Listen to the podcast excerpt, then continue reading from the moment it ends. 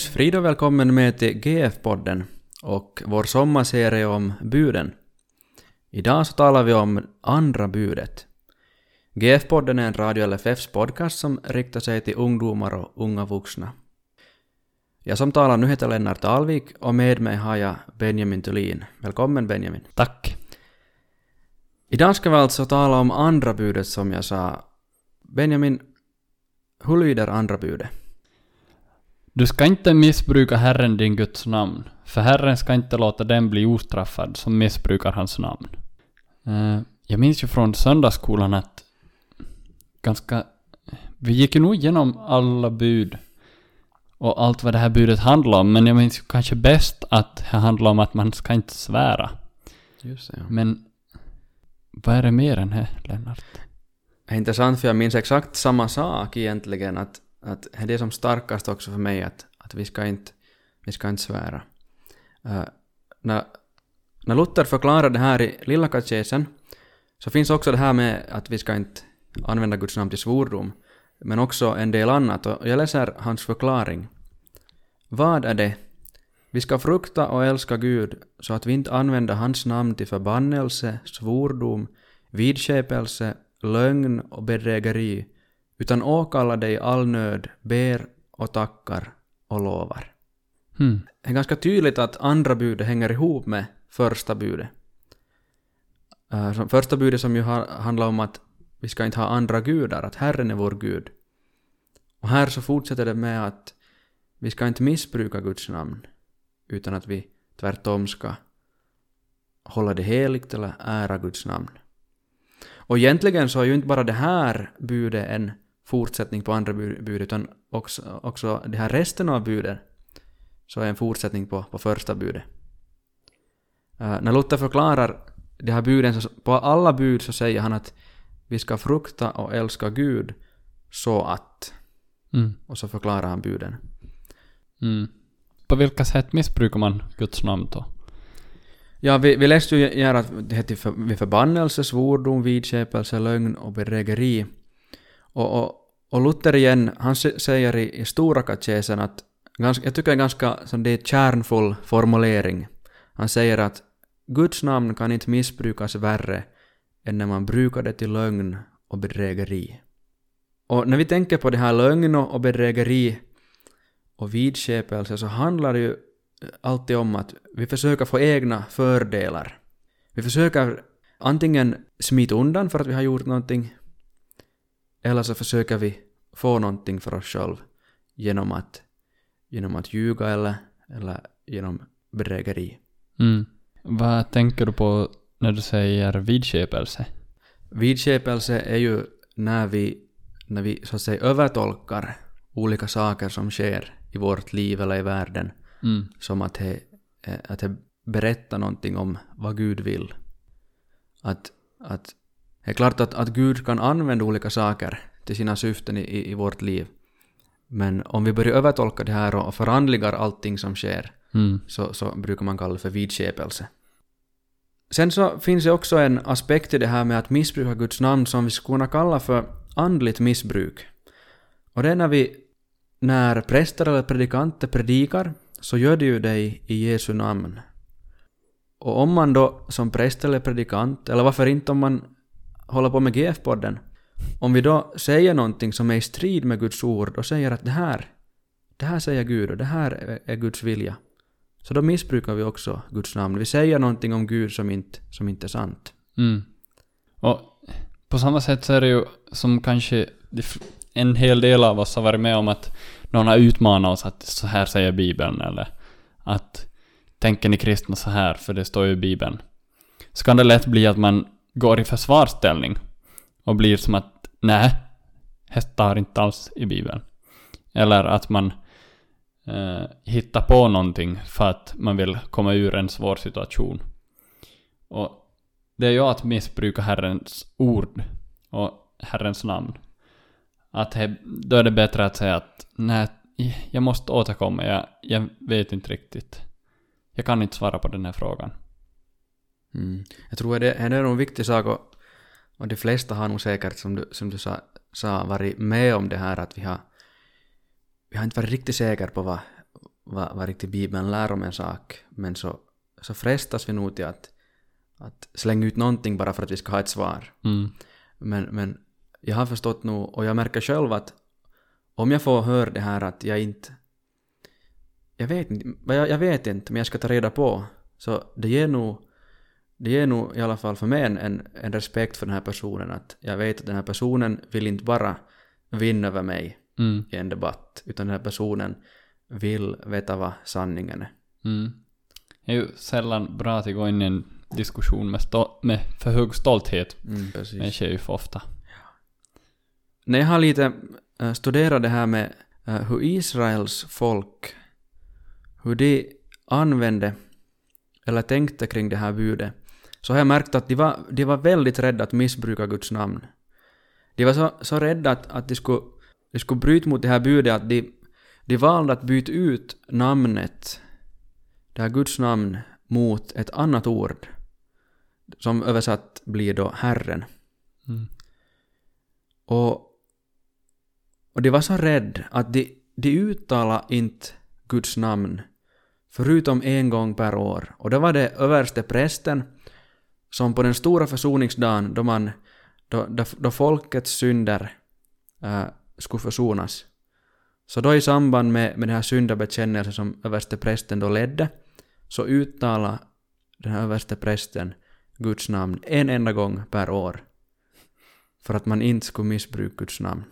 Mm. Och det här, det här är ju någonting som inte är någon biblisk, eller, eller någon sån här regel som finns i Bibeln, att, att man inte får uttala Guds namn. Men så här gjorde Israels folk för att för, att för säkerhets skull inte bryta mot det här budet. Mm. Och motsatsen är ju idag.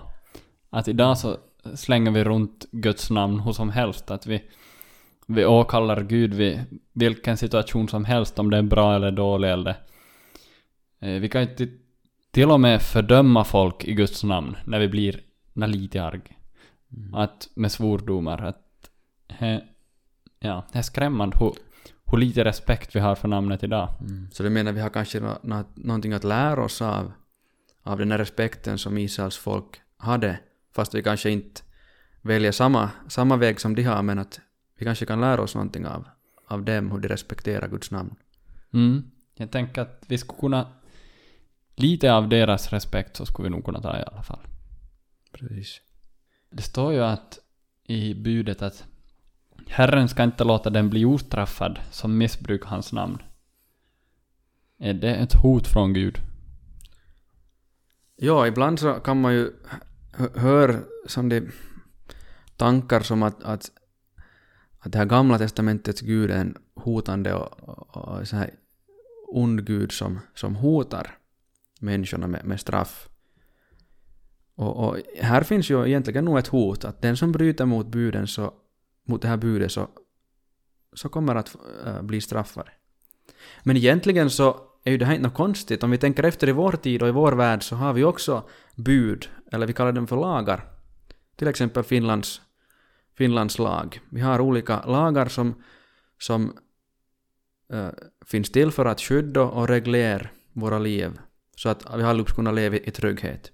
Och om vi bryter mot de här lagarna så hotar eh, vårt samhälle oss med, med straff. Mm. Det är därför vi har böter, det är därför vi har fängelser, det är därför vi har samhällstjänst och allt möjligt sånt här som, som är som straff för de som bryter mot, mot Finlands lagar. Och egentligen är det på precis samma sätt med, med Guds bud, inte bara med det här andra budet att, att missbruka Guds namn, utan med alla Guds bud. Så, så säger Gud att den som bryter mot, mot mina bud så, så kommer att få ett straff. Ett rättvist straff. Ett rättvist straff. Mm. Det som är fantastiskt är, är det som vi ser till exempel i Jesaja 53. Den här kända profetian om Jesus, hur han tar på sig det här straffet. Och där så kallas Jesus för, den, för Herrens lidande tjänare. Och det står så här i Jesaja 53. Han blir genomborrad för våra brott, slagen för våra synder. Straffet blev lagt på honom för att vi skulle få frid. Genom hans sår är vi helade, vi gick alla vilse som får, var och en gick sin egen väg. men all vår skuld lade Herren på honom. Alltså, vi gick alla vilse som får. Det betyder att vi allihop övergav Guds bud och valde vår egen Mm. väg. Men det här straffet som, som egentligen skulle, skulle vara en följd för oss blev lagd på Jesus. Så när vi som kristna idag litar på, på Jesu död på korset, litar på att det är tillräckligt, eh, det är en tillräcklig försoning för våra synder, så det här straffet är, har tagits bort från oss. Mm. Vi är helt fria, eh, för straffet har Jesus tagit på sig.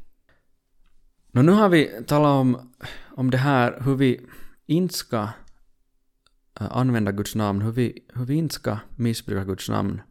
Nu kan man fundera då att hur ska vi då använda Guds namn rätt? Hur, hur ska vi då använda Guds namn i, i våra liv? Och här i, i Luthers förklaring som jag läst i början så, så stod det att det stod att vi använder Guds namn på rätt sätt när vi åkallar det i all nöd, ber, tackar och lovar. Alltså, när vi använder Guds namn till sanning och allt det som är gott, när vi predikar och undervisar enligt Guds ord, och när vi vänder oss till Gud i, i vår nöd, när vi väntar allt gott från honom, och när vi förtröstar på Guds frälsningsverk i Jesus Kristus, då använder vi Guds namn på rätt sätt. Har du någonting att tillägga till det här Benjamin? No, man kan ju tillägga att, uh att när vi lever enligt Guds vilja så ärar vi ju Gud.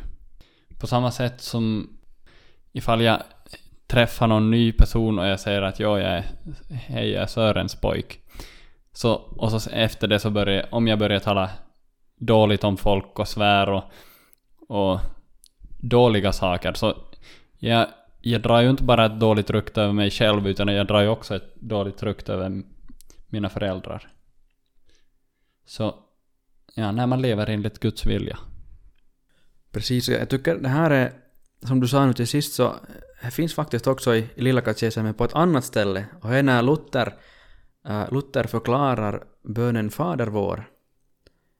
Uh, jag, jag ska läsa det här. När han förklarar den här första bönen, Helgat var det ditt namn. Luther säger att Guds namn är heligt i sig själv, men vi ber i denna bön att det ska hållas heligt också bland oss. Och sen så frågar Luther sig, hur sker det här? Och han svarar, när Guds ord lärs ut rent och klart och när vi som Guds barn lever heligt efter det.